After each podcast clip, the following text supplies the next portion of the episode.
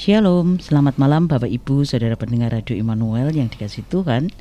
Jumpa kembali dengan saya Ambar Fitriana dalam acara Menjadi Murid Sejati. Ini adalah acara pelajaran firman Tuhan yang akan menolong kita untuk menjadi seorang murid Kristus yang sejati.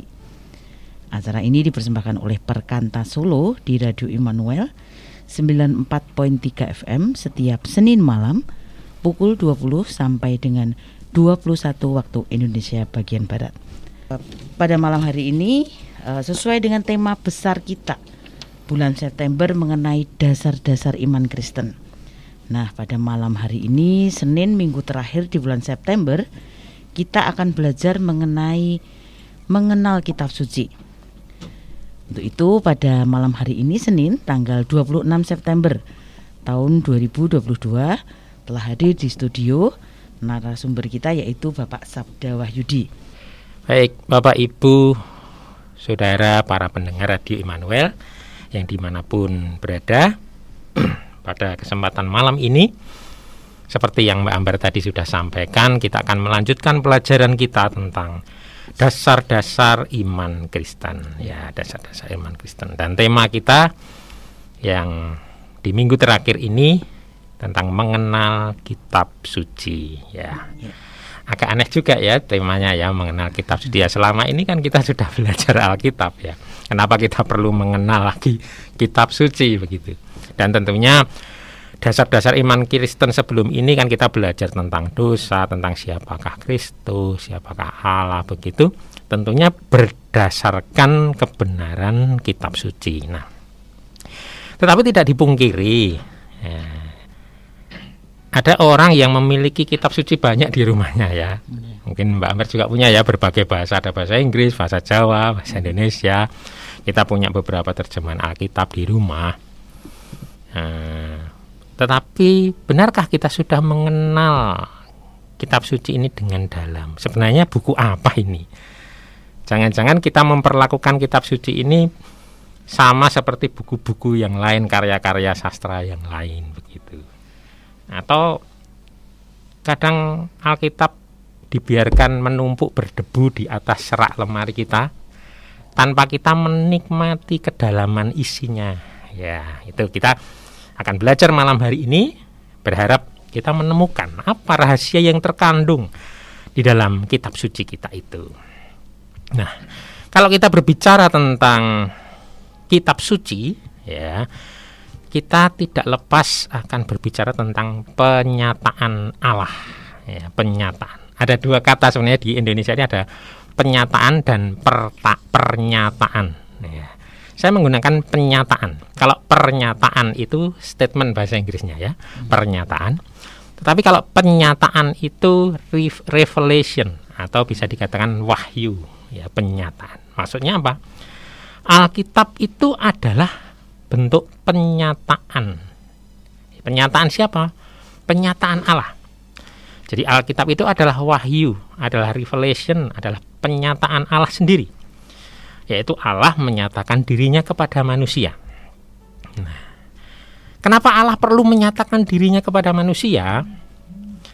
Karena ketika manusia jatuh di dalam dosa, maka seorang berdosa itu pemahaman tentang Allah yang sejati itu terdistorsi, ya ada kekacauan, ada kesalahan-kesalahan. Nah, sering kali manusia hanya menggunakan pengetahuannya, dengan pikirannya, intelektualnya, begitu yang sangat terbatas ini untuk memahami Allah dan dia tidak bisa memahami siapa Allah itu. Maka Allah ingin menyatakan dirinya kepada manusia supaya manusia yang berdosa ini bisa tertolong lagi begitu ya. Allah dengan segala kemahakuasaannya sekaligus dengan maha kasihnya kepada kita, dia menyatakan diri kepada manusia. Itu penyataannya.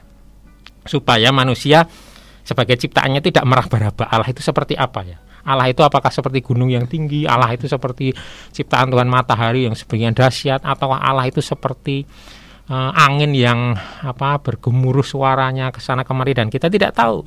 Supaya kita tidak meraba-raba itu, maka Allah menyatakan dirinya. Nah, di dalam pernyataan Allah itu sebenarnya ada dua hal.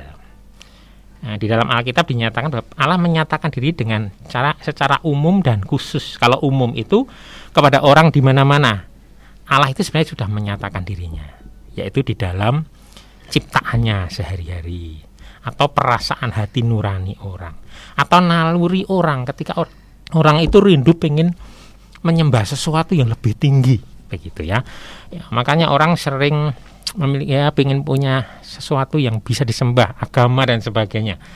Sembahan itu rindu. Nah, nah misalkan uh, Mbak Ambar dengan keluarga pergi naik ke gunung healing ya yuk kita menciptai mencip uh, menikmati ciptaan Tuhan ya di sana kita mencipta uh, menikmati ciptaan Tuhan nah dari melihat alam itu kita bisa melihat wah Tuhan itu begitu luar biasa ya menciptakan laut, gunung, ya, menciptakan air yang sedemikian indah, pohon-pohon dan sebagainya. Itu umum. Kepada siapa pun, kepada orang-orang kita Allah menyatakan dirinya. Ada makhluk yang sangat kecil yang mungkin sangat sulit. Ya misal kita melihat makhluk paling kecil apa ya? misalkan uget-uget misalkan gitu ya. Uget-uget itu bisa ubah-ubah terus itu baterainya ditaruh di mana ya? Kok nggak habis-habis ya bisa gerak terus. Tetapi itu menunjukkan wah betapa Allah luar biasa. Kita bisa melihat kemuliaan Tuhan. Nah itu penyataan umum. Lah penyataan yang khusus nah Allah menyatakan diri lebih lengkap lagi lebih dalam lagi secara khusus yaitu dalam diri Tuhan Yesus sebagai sang firman yang sudah menjadi manusia dan juga firman Allah itu sendiri yaitu dalam bentuk kitab suci. Nah, jadi Alkitab adalah penyataan Allah supaya Allah semakin dikenali. Jadi orang kalau semakin mengenal Alkitab berarti dia semakin mengenal Allah. Sebaliknya, kalau orang tidak mengenal Alkitab, maka mereka tidak mengenal Allah. Nah, nah tadi kalau kita healing, hmm. kita pergi piknik ya, kita refreshing melihat alam sekitar, ah kita melihat betapa mulia agungnya Tuhan ya yang menciptakan semuanya ini. Nah, kalau kita melihat Alkitab, berarti apa? Kita akan semakin lebih mengenal Allah lebih dalam lagi ya harusnya, hmm. ya. ya. Jadi tidak hanya kagum, tetapi ketika kita membaca Alkitab itu harusnya kebesaran Allah itu semakin nyata dalam hidup kita keagungan Allah itu semakin nyata dan kadang Allah sering kali berbicara juga secara nyata, secara pribadi. Nah, itu pernyataan khusus. Allah menyatakan diri secara khusus kepada kita melalui kitab suci. Jadi, kalau kita tidak mengenal Alkitab dengan dalam, maka kita tidak mengenal Kristus. Ya. Ya, jadi ini pernyataan ini yang penting yang kita tahu bahwa Alkitab ini Alkitab kita ini tidak sekedar buku, tetapi Alkitab kita ini adalah bagaimana Tuhan menyatakan dirinya kepada kita. Jadi luar biasa sekali.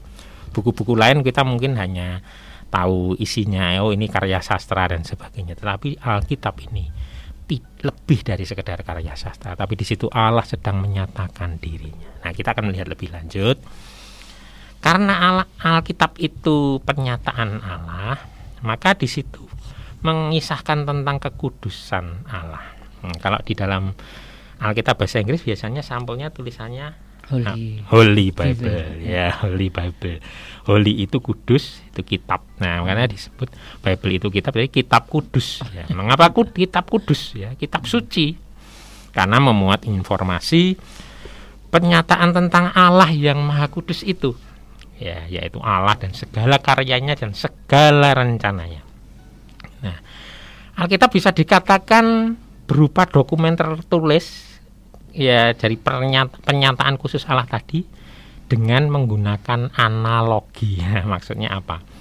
Analogi ini membuat kita bisa berkomunikasi dengan baik pada lawan bicara kita. Sehingga lawan bicara kita bisa mengerti dan bisa membayangkan apa yang informasi akan kita sampaikan. Meskipun belum pernah menjumpai atau merasakan. Nah, jadi kadang-kala ada bentuk-bentuk personifikasi ada kata-kata yang disesuaikan dengan kondisi manusia begitu itu jadi dokumen Alkitab itu dibuat dalam bentuk semacam analogi dan bentuknya tertulis ya Alkitab itu tertulis karena dengan tertulis itu berarti dia memiliki daya tahan ya mudah tersebar tetap murni jadi terus patokannya tetap ya begitu ya. Nah, benarkah Alkitab itu adalah firman Tuhan?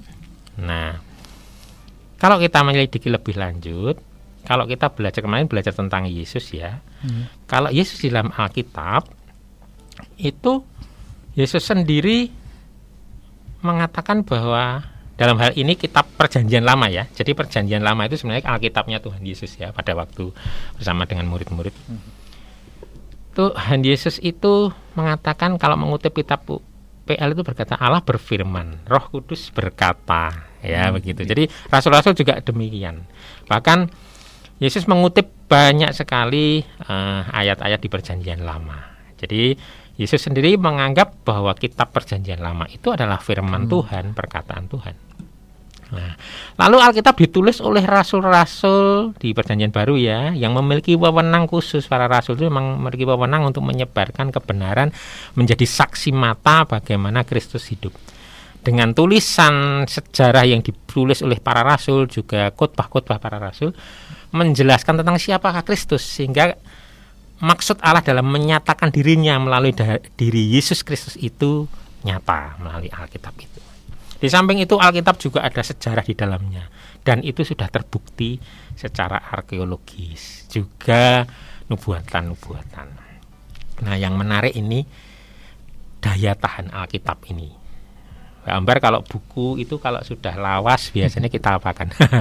Luain. kita luain ya karena sudah wah jadul ini ndak ndak layak. Nggak itu paling mungkin jadulnya kita itu berapa ya? Paling umur 10 tahun, hmm. komik-komik yang jadul buku-buku sastra. Kalau hmm. dulu kalau kita sekolah buku apa itu uh, karya uh, Siti Nurbaya, oh, iya. hmm. gitu. novel novel novel awal gitu. Umurnya berapa ya? Mungkin 20-an tahun lah begitu. Hmm. Uh, kalau dalam penelitian kabarnya buku itu kalau biasa biasanya usia buku itu tidak lebih dari 500 tahun. Hmm. Jadi uh, sebuah apa e, manuskrip atau sebuah karya tulis itu biasanya tidak bisa lebih dari 500 tahun. Kalaupun ada sedikit sekali yang bisa sampai 500 tahun. Tetapi yang menarik bahwa Alkitab ini usianya lebih dari seribu tahun. Betapa Alkitab ini karena memang supranatural Tuhan bagaimana menjaganya supaya Alkitab ini tetap bertahan. Dan Alkitab sendiri ini berbicaranya kadang tidak hanya melalui tulisan tetapi ketika kita membaca ada sapaan ya Roh Kudus. Jadi ada kesaksian batin itu lebih kuat ya lebih kuat dari apa pun. Orang kalau sudah mengalami sendiri kuasa firman Tuhan, mengalami sapaan dari firman Tuhan dari Alkitab, wah itu berkesan sekali. Nah, tentu kita sering kan mendengar kesaksian-kesaksian orang, wah aku baru saja merasa Tuhan berbicara ketika saya saat teduh. Wah, Tuhan menghibur saya ketika saya susah. Tuhan berkata-kata sesuatu dua saya dan itu terkesan sekali. Maka itu orang yang mengalami sapaan Allah melalui Alkitab itu luar biasa membuktikan bahwa Alkitab itu memang memiliki kuasa di dalamnya. Nah, kita akan melanjutkan. Nah, sebenarnya Alkitab itu kok bisa terbentuk seperti buku seperti ini?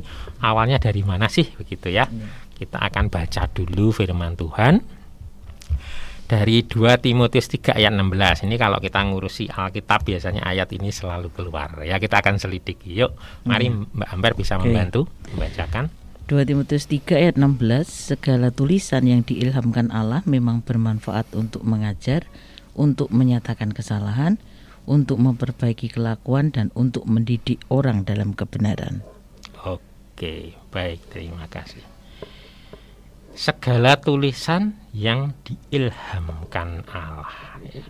Alkitab itu ditulis melalui pengilhaman, yaitu kegiatan roh Allah yang mengawasi para penulis kitab. Ya, jadi segala tulisan atau di dalam bahasa Yunani-nya itu grafe ya.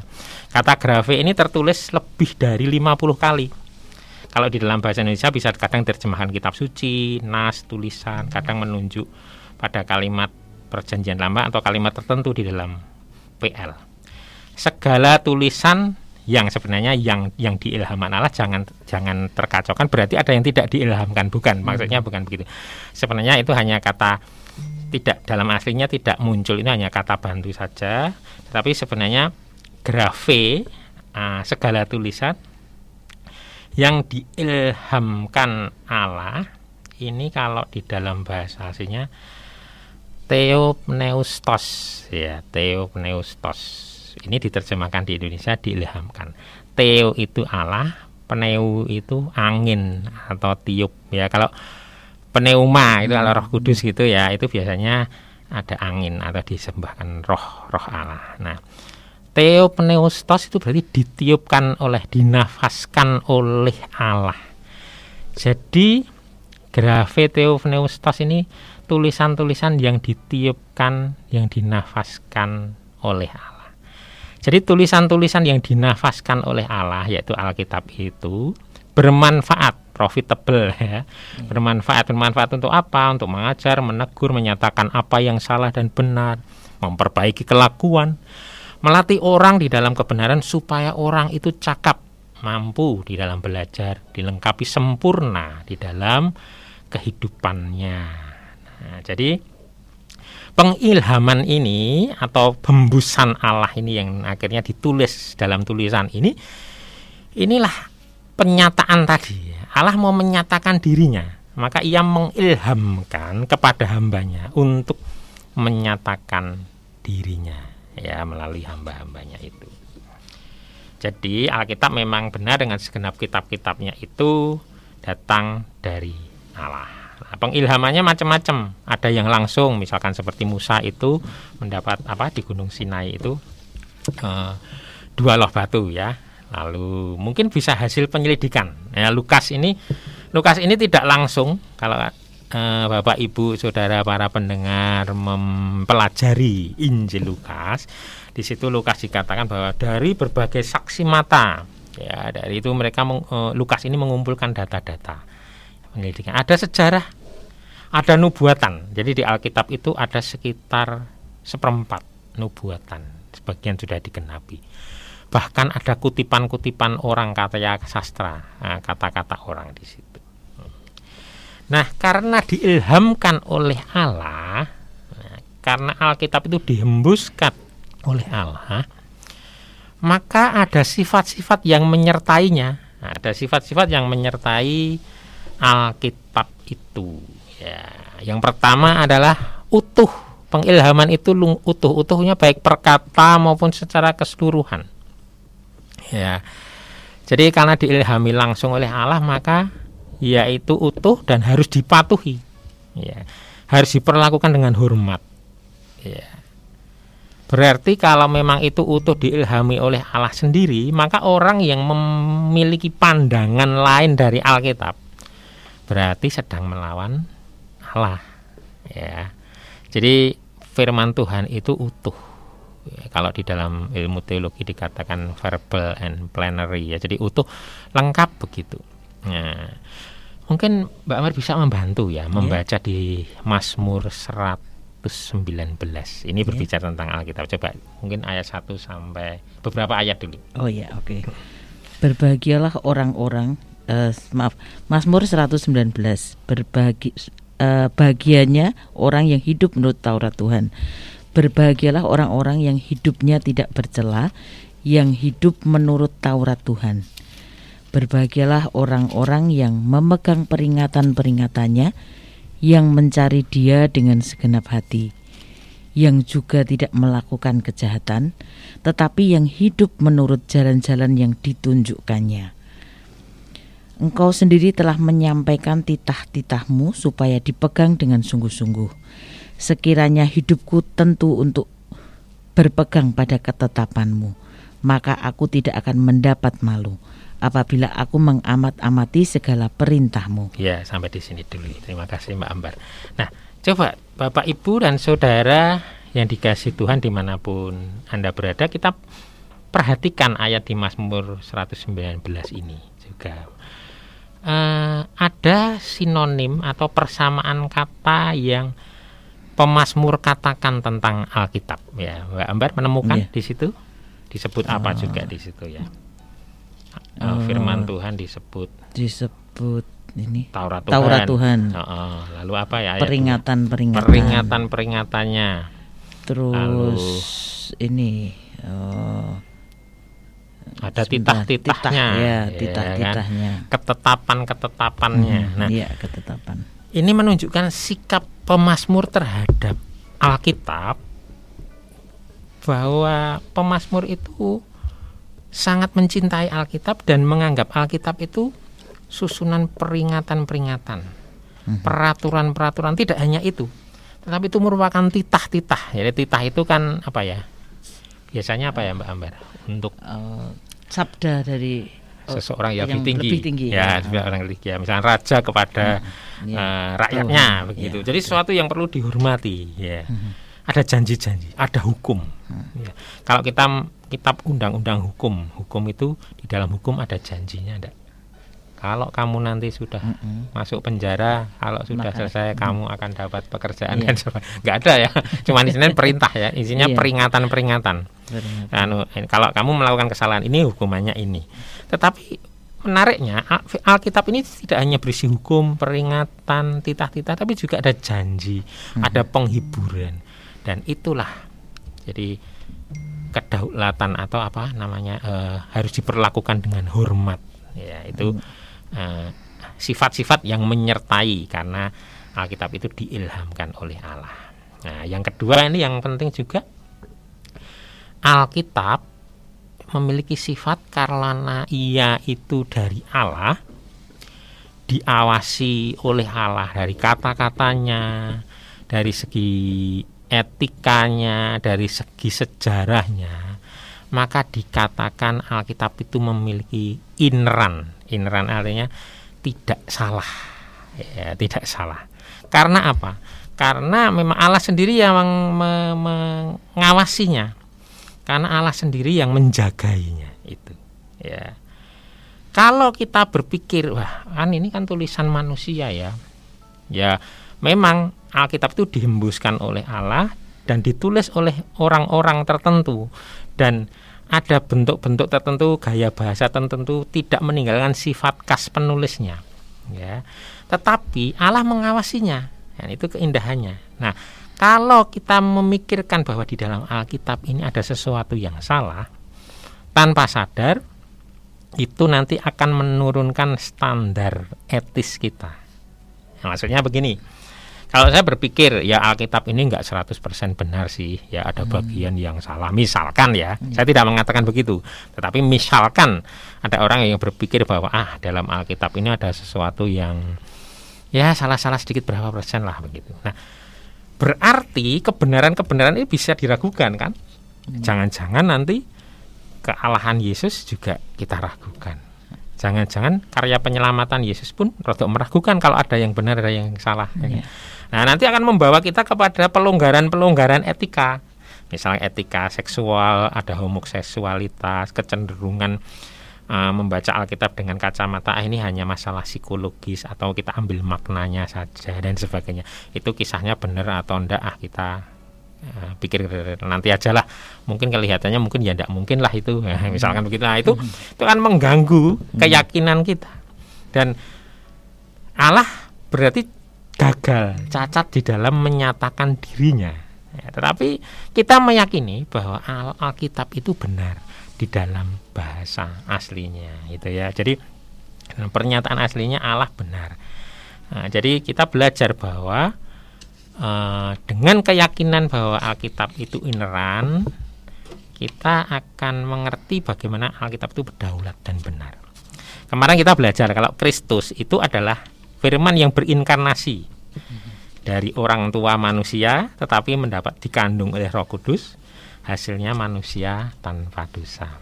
Nah, kalau Alkitab itu adalah firman hidup yang dihembuskan oleh Allah, penulisnya manusia. Hmm. Tapi meskipun penulis manusia dia dipimpin oleh Roh Kudus. Hasilnya maka terhindar dari kesalahan-kesalahan. Ya, itu sifat dari Alkitab kita. Lalu Alkitab itu juga tidak akan gagal dalam mencapai tujuannya karena memang Allah ingin menyatakan dirinya dan menyatakan rencana penyelamatannya. Nah, lalu Alkitab itu selalu orisinil isinya, ya, originally given meskipun ada banyak sekali salinan-salinannya, tetapi Allah itu menjagainya. ada ribuan loh salinannya itu yang di perjanjian baru ya.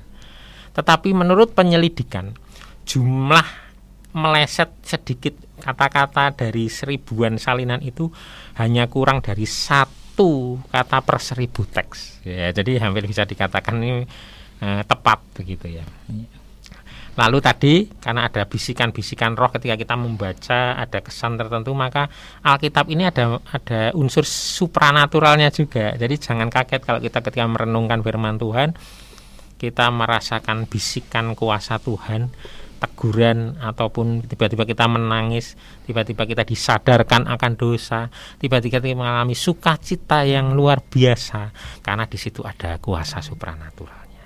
Dan yang penting lagi adalah dinamis. Maksudnya apa? Firman Tuhan ini uh, bersifat kekal. Dia mengikuti sepanjang zaman. Kenapa? Dosa, watak-watak itu kan sama dari dulu hingga kini. Perbedaannya cuma masalah mungkin kalau sekarang sombong itu kita kalau naik mobil mewah dan sebagainya. Mm -hmm. Kalau dalam dulu mungkin punya kuda yang mahal itu ya, iya. atau yeah. kita punya baju yang mm, okay. uh, buatan lebih baik dan sebagainya. Itu hampirnya mirip ya. Mm-hmm. Oke. Oke, nah kita lanjut sedikit. Nah, lah kok di Alkitab kita bisa ada kitab-kitab namanya ini ini ini hmm. ini sang lumpuk seperti ini yeah. ya itu asalnya dari mana ya ya secara cepat saya akan membagikan ini sebenarnya bapak-bapak gereja itu menyebutnya dengan istilah kanon. Kanon itu pengukur patokan tertentu. Nah, kenapa sih kitab-kitab itu bisa terkumpul dengan tuntunan Tuhan? Maka ada kriteria-kriteria misalkan di dalam kan kanon ini kenapa Mazmur bisa masuk, kenapa Kidung Agung masuk, kenapa kitab uh, ulangan, kitab Hesea, Yesaya, Yeremia dan sebagainya. Ada ciri-ciri khusus misalkan menunjukkan mencerminkan Allah berbicara dengan sungguh-sungguh. Apakah dia seorang nabi penulisnya itu? Apakah historisnya akurat benar begitu ya? Apakah di situ diterima juga oleh orang Yahudi dalam hal ini Yesus sendiri? Nah, kemarin ada penemuan arkeologis yang menarik yaitu naskah laut mati. Nah, pada waktu penemuan naskah laut di sekitar laut mati itu menemu arkeolog menemukan gulungan-gulungan dan dari 500 gulungan itu 175-nya adalah Alkitab Perjanjian Lama. Jadi memang benar pada zaman Tuhan Yesus itu Alkitabnya sama dengan PL pada saat ini yang kita punya Perjanjian Lama saat ini, cuman beda susunannya saja. Nah, kalau di Perjanjian Baru ada ketentuan apakah penulisnya itu seorang rasul, memiliki relasi dengan rasul. Misalkan Markus itu di bawah otoritas Petrus, Lukas di bawah otoritas Paulus. Apakah sebagian besar juga diterima oleh gereja-gereja waktu itu? Lalu apakah konsisten dengan berita Injil? Nah, ini masalahnya. Nah, ada Injil-Injil yang lain yang tidak masuk di Alkitab. Kalau Mbak Ambar mungkin pernah mendengar ada Injil lain selain Matius, Markus, Lukas, Yohanes ya. Barnabas ya. Ya, ada ya, Injil Barnabas, ada Injil Thomas, ada Injil Petrus dan lain-lain ini ditolak. Kenapa? Hmm. Karena tidak konsisten dengan isi ini hmm. tadi. Jadi eh, sepertinya pemalsuan, hanya namanya saja diberi nama murid-murid Tuhan Yesus atau tokoh-tokoh dalam Alkitab, oh, tetapi sebenarnya begitu. isinya eh, melenceng. Bahkan ada yang umurnya sangat muda, hmm. umurnya sangat muda. Ya itu. Lalu isi kalau isi Alkitab kita sudah tahu ya isi Alkitab nanti silahkan dilihat di daftar isi kalau kita bahas satu persatu di dalam pertemuan kita saat ini tidak cukup ya jadi kalau uh, Alkitab kita perjanjian lama di kitab Yahudi itu singkatannya Tanak gitu ya Torah Nebiim Ketubim itu artinya Torah hmm. itu kejadian keluaran imamat bilangan ulangan Nebiim itu kitab nabi-nabi hmm. dan Ketubim itu kitab-kitab di situ ada Mazmur ada Amsal gitu Agung dan selanjutnya nah kitab kita yang di perjanjian lama 39 itu menggunakan hmm. kanon Yunani maka susunannya seperti itu hmm. sedangkan perjanjian baru nah ini uh, apa namanya ada i kitab Injil, ada kitab pengajaran para rasul, ada surat-surat, ada kitab nubuatan yaitu wahyu. Nah, kita masuk kepada bahasanya Alkitab. Nah, kita bersyukur bahwa Alkitab kita ini bisa diterjemahkan di dalam berbagai bahasa. Jadi kita terus menerus apa namanya uh, mendoakan ya supaya lembaga Alkitab Indonesia juga di dunia ini semakin Alkitab semakin diterjemahkan dengan berbagai bahasa. Tetapi kita perlu tahu memang bahasa asalnya pertama kalau perjanjian lama itu sebagian besar adalah berbahasa Ibrani. Ya, berbahasa Ibrani. Ya, eh, tergolong dalam rumpun bahasa Semit. Tapi uh, ada juga bahasa Aram itu di beberapa kitab Esra, Yeremia dan Daniel ada yang menggunakan bahasa Aram. Nah, bahasa Ibrani itu memang agak lebih personal, ditunjukkan kepada hati, emosi daripada rasio.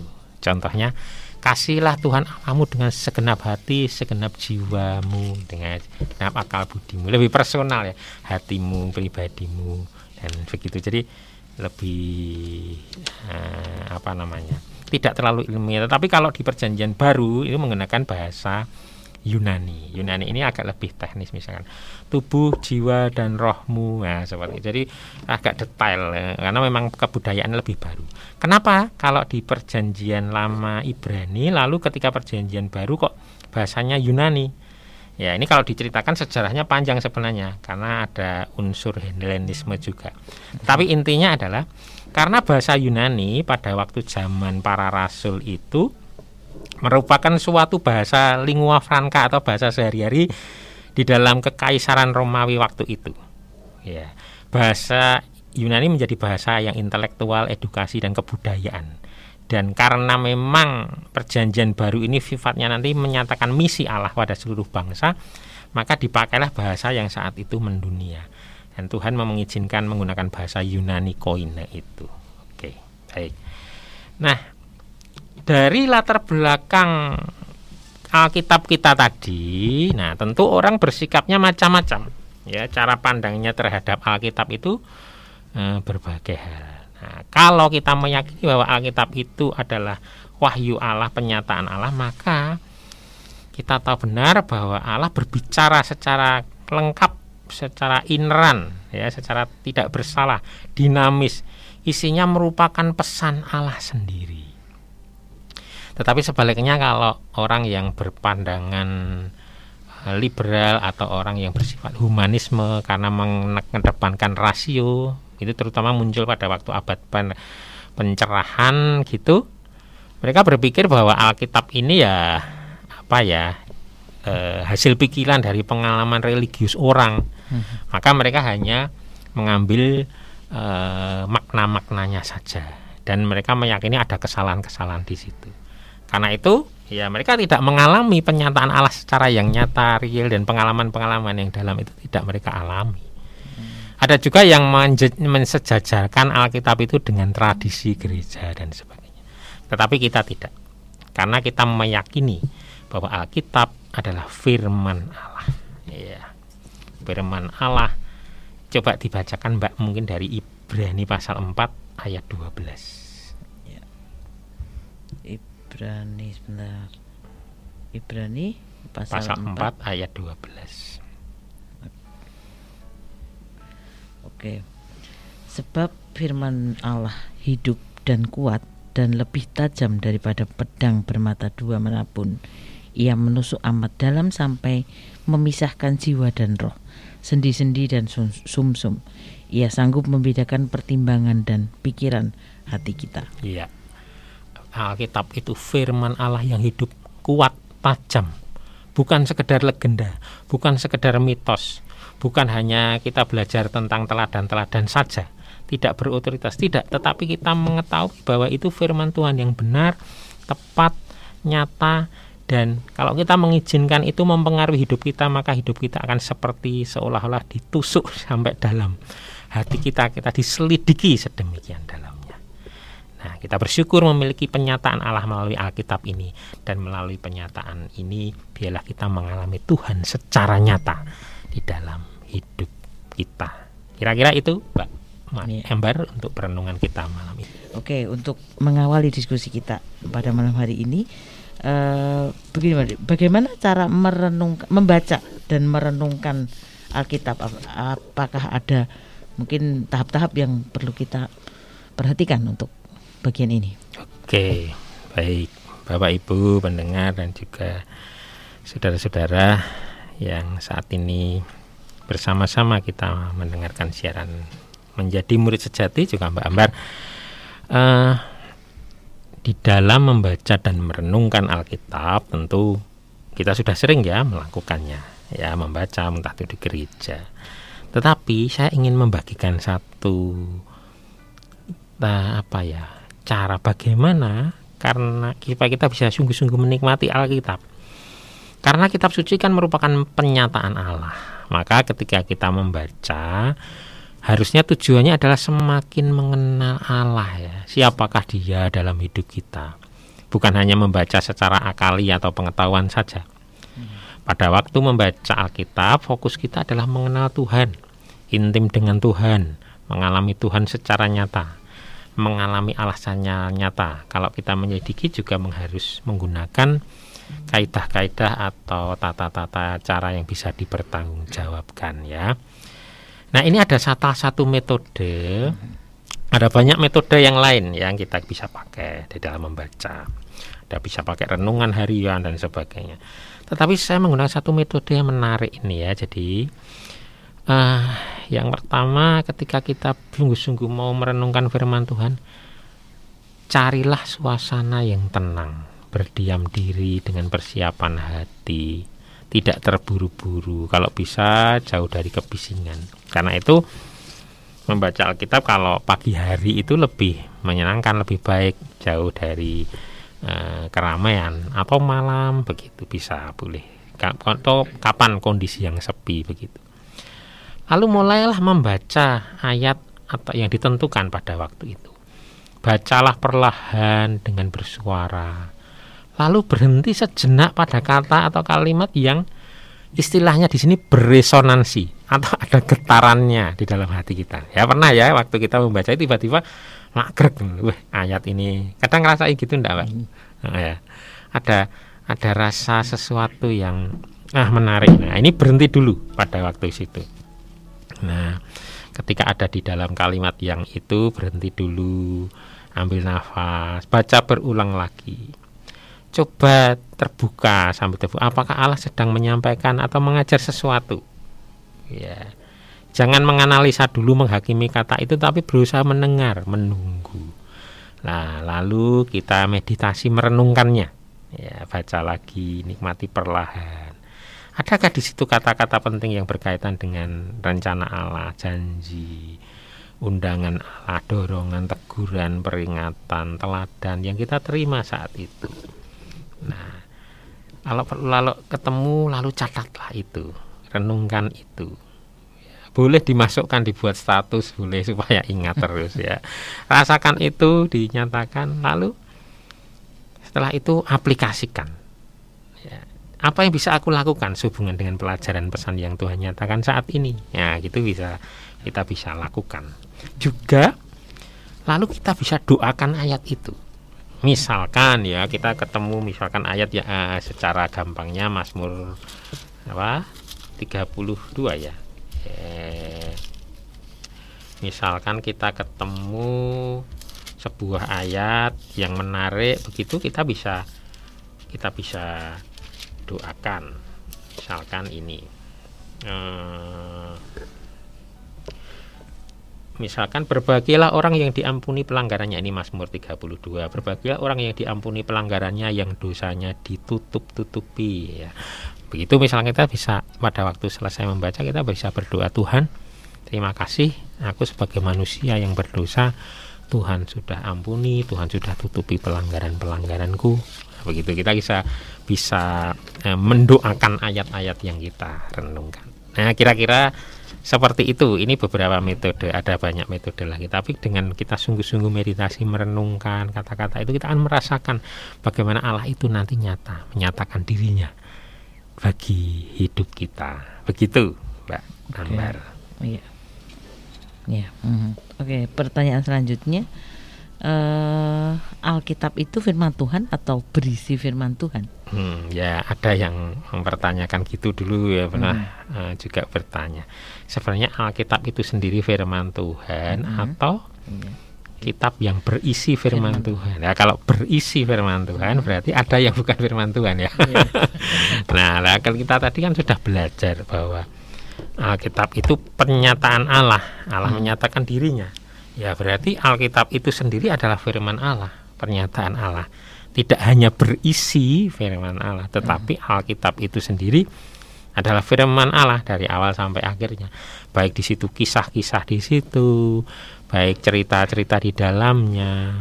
Gambar itu hmm. seizin Allah, Allah menyatakannya di situ. Jadi di situ adalah firman Tuhan. Begitu Ambar kalau kita jawab. Oke, ya terima kasih. Kemudian bisakah suatu waktu Alkitab itu ditambahkan isinya? Atau ada kitab baru lagi yang dirasa sesuai lalu dimasukkan. Hmm, ya, kalau kita tadi bicara tentang kanon hmm, itu kan uh, bapak-bapak gereja menyepakati dengan dorongan Roh Kudus bahwa Alkitab ini sudah sempurna, finish, tidak perlu ditambahkan lagi. Hmm. Dan menarik lagi nanti kapan-kapan mungkin siaran murid sejati bisa membahas ya.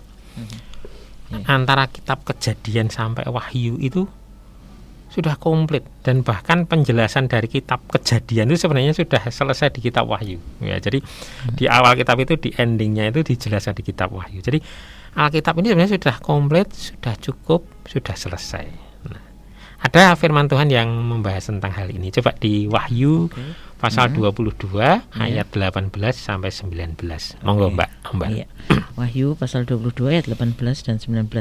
Aku bersaksi kepada setiap orang yang mendengar perkataan-perkataan nubuat dari kitab ini. Jika seorang menambahkan sesuatu kepada perkataan-perkataan ini, maka Allah akan menambahkan kepadanya malapetaka-malapetaka yang tertulis dalam kitab ini. Dan jikalau seorang mengurangkan sesuatu dari perkataan-perkataan dari kitab nubuat ini, maka Allah akan mengambil bagiannya dari pohon kehidupan dan dari kota kudus seperti yang tertulis di dalam kitab ini. Wah, ya ini ngeri ya. Ngeri. Jadi ada iya. ancaman ya, ada ancaman bagi yang mengurangi hmm. ataupun yang menambahi. Loh, tapi kan ini kan maksudnya kitab Wahyu. Ya, hmm. memang ini ditulis di kitab Wahyu. Tetapi kalau kita merenungkan karena kitab Wahyu ini dan kitab-kitab lainnya ini atau kitab Wahyu sendiri ini bersumber pada kitab-kitab lain juga terjalin dengan kitab-kitab lain hmm. juga yang merupakan firman Tuhan yang lengkap. Maka menjadi tidak mungkin kalau merusak kelengkapan kitab ini e, bisa terjadi. Jadi kalau merusak menambah-nambah itu menjadi sesuatu yang e, dimurkai Allah begitu ya karena berarti kita tidak memahami secara utuh semuanya ini kebenaran ini jadi eh, jawabannya adalah sampai kapan pun sampai Tuhan Yesus hmm. hadir dua kali tidak perlu ada kitab baru lagi ya.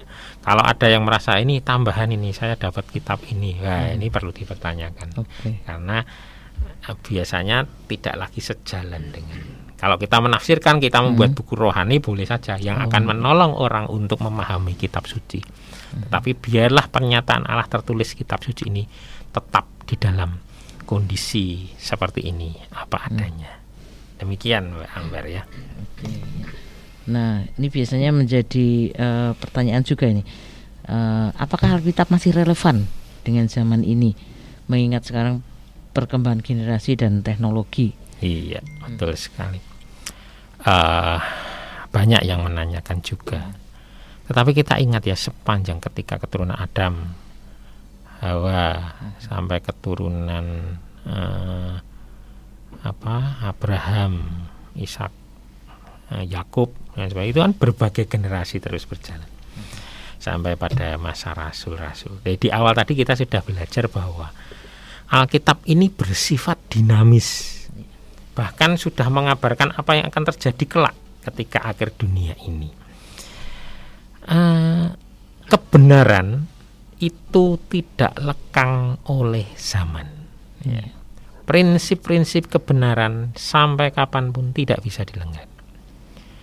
Orang melakukan dosa, misalkan mencuri, pada waktu dulu mungkin mencurinya mencuri ternak temannya begitu.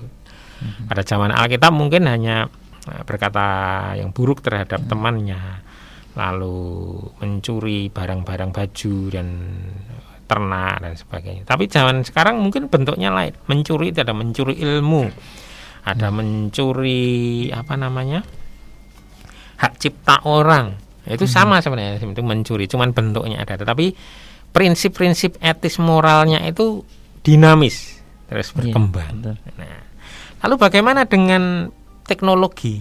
Nah, justru perkembangan teknologi ini malah menolong, membantu kita untuk bisa belajar kebenaran itu dan menyampaikan kebenaran itu sampai ke ujung-ujung bumi. Hmm. Nah, misalkan dulu beberapa tahun yang lalu uh, menjadi murid sejati hanya bisa disetel di radio hmm. ya. Nah, setelah telat misalkan habis dari pergi, radionya baterainya habis, waduh sudah nggak bisa lihat lagi. Tapi sekarang nah, kita bisa upload ke Spotify, yeah. ada rekaman, ada handphone yang kita bisa pakai untuk kita bisa e, mendengarkan ulang dan sebagainya. Nah, perkembangan itu menolong kita. Jadi Alkitab masih relevan, masih ya. karena bisa diaplikasikan sampai kapan pun. Makanya Alkitab bisa berumur ribuan tahun, mm-hmm. tidak lekang oleh zaman. Ya, itu karena Alkitab masih relevan. Demikian, Mbak Ambar. Iya. Nah, ini yang mungkin yang terakhir, uh, kalau kita mau belajar Alkitab, itu terjemahan apa yang tepat untuk kita? Ya, tadi kita sudah belajar.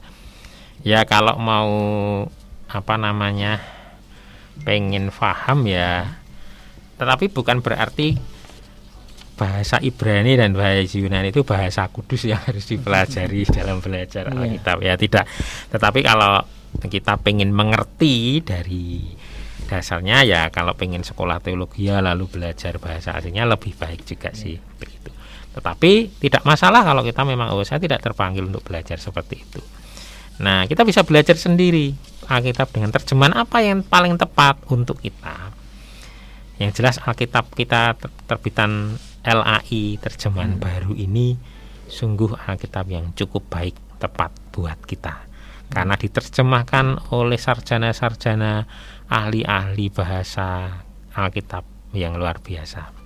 Nah, memang ada beberapa terjemahan. Salah satunya terjemahan interlinear. Interlinear itu terjemahan kata demi kata ya berdasarkan urutan bahasa aslinya ini dengan dipakai untuk nanti misalkan kayak tadi kita pengen ngerti teu penustos itu apa artinya hmm. begitu nah seperti itu interlinear itu bagi yang pengen menyelidiki lebih dalam tetapi ada terjemahan formal atau harfiah jadi terjemahan radiosional yang mengalih bahasakan naskah dari bahasa sumber. Nah, metode ini sangat respek pada bahasa sumber maksudnya bahasa aslinya bagaimana sehingga sedapat mungkin bentuk aslinya dipertahankan. Tapi jadinya aslinya artinya jadi rotok susah begitu ya dipahami. Ya memang untuk menjaga supaya tidak bergeser dari sumber aslinya. Ya memang Alkitab kita terjemahan baru yang tahun 1974 yang kita pakai ini seperti itu. Makanya yaitu terjemahan formal. Itu tetap boleh kita baca. Cuma nanti kalau pas bingung kita bisa cari terjemahan lain. Kalau bahasa Inggris mungkin King James Version itu juga agak susah ya. Tetapi itu harfiah memang tidak apa-apa kita pelajari itu. Lalu ada terjemahan dinamis fungsional. Lah ini mengutamakan arti dari teks asli itu. Jadi supaya bisa kita mengerti. Ya bentuk bahasa aslinya boleh diubah asal maknanya dan tujuan asli teks itu bisa tetap dipertahankan. Nah, ini bisa di dalam Alkitab mungkin kita sudah pernah tahu Alkitab bahasa sehari-hari gitu ya. Atau kalau dalam bahasa Inggris today's version begitu. Nah, ada yang mengatakan New International Version NIV ini termasuk bagian terjemahan yang dinamis ini fungsional karena ada kata-kata bahasa Inggrisnya ditata supaya lebih mudah dipahami begitu. Nah, lalu ada Alkitab yang saduran. Saduran ini sudah diparafrase uh, sudah dikata tulis lagi dengan kata-kata sendiri. Nah, saya pikir kalau memparafrase ini mending kita pakai kita sendiri aja, kita PA sendiri, kita mencoba menulis ulang. Tapi ada memang Alkitab yang dibuat seperti itu, misalkan apa firman Allah yang hidup dan sebagainya. Ada Alkitab-kitab dan itu kadangkala sudah dimasukkan pandangan-pandangan teologis dari penulisnya. Nah, saran saya sih kalau kita merenungkan firman Tuhan, mari kita memakai beberapa bahasa, misalnya bahasa Jawa, Indonesia, bahasa Inggris, lalu kita dibantu dengan terjemahan yang bahasa sehari-hari. Nah, itu akan menolong kita menemukan makna kebenaran firman Tuhan. Itu kira-kira Mbak ya. Ambar. Ya. Sudah uh, sampai di penghujung acara ya. Oke, baik para pendengar setia menjadi murid sejati. Uh, sebelum kita mengakhiri uh, acara kita pada malam hari ini, mungkin Mas Yudi bisa sedikit memberi kesimpulan, terus kemudian sekalian berdoa untuk uh, penutup. Oke, baik. Bapak, Ibu, dan saudara-saudara yang terkasih para pendengar Radio Immanuel, di mana pun Anda berada, tanpa mengenal Alkitab, seseorang tidak akan mengenal siapa Kristus dan siapa Allah di dalam hidupnya. Karena Alkitab adalah penyataan Allah sendiri. Alkitab adalah firman Allah yang akan menyatakan semua maksud Allah Ya, maksud Allah itu adalah menyelamatkan kita, menyelamatkan Anda, menyelamatkan kita dari dosa, menyelidiki hidup kita, menata hidup kita agar memiliki kehidupan yang karib dan relasi yang dalam dengan Dia. Biarkanlah firman Allah yang hidup, yang tajam, lebih tajam dari pedang bermata dua itu, biarlah dia menusuk amat dalam sampai memisahkan jiwa dan roh sendi-sendi sungsum kita. Supaya ia membedakan pertimbangan pikiran kita agar hidup kita semakin dimerdekakan dari dosa, dari tindak tanduk yang buruk dan semakin mengalami sukacita karena mengalami perjumpaan dengan Dia. Jangan sia-siakan Alkitab kita. Mari kita nikmati, kita renungkan, kita gumuli supaya kita semakin mengalami Allah. Demikian tadi sobat setia acara menjadi murid sejati Pelajaran kita pada malam hari ini sudah berakhir, namun kita akan berjumpa kembali minggu depan dengan tema baru di bulan Oktober, pergumulan keluarga Kristen. Tetap di waktu dan gelombang yang sama. 94.3 FM Immanuel Peaceful Station. Oke, selamat malam dan Tuhan Yesus memberkati.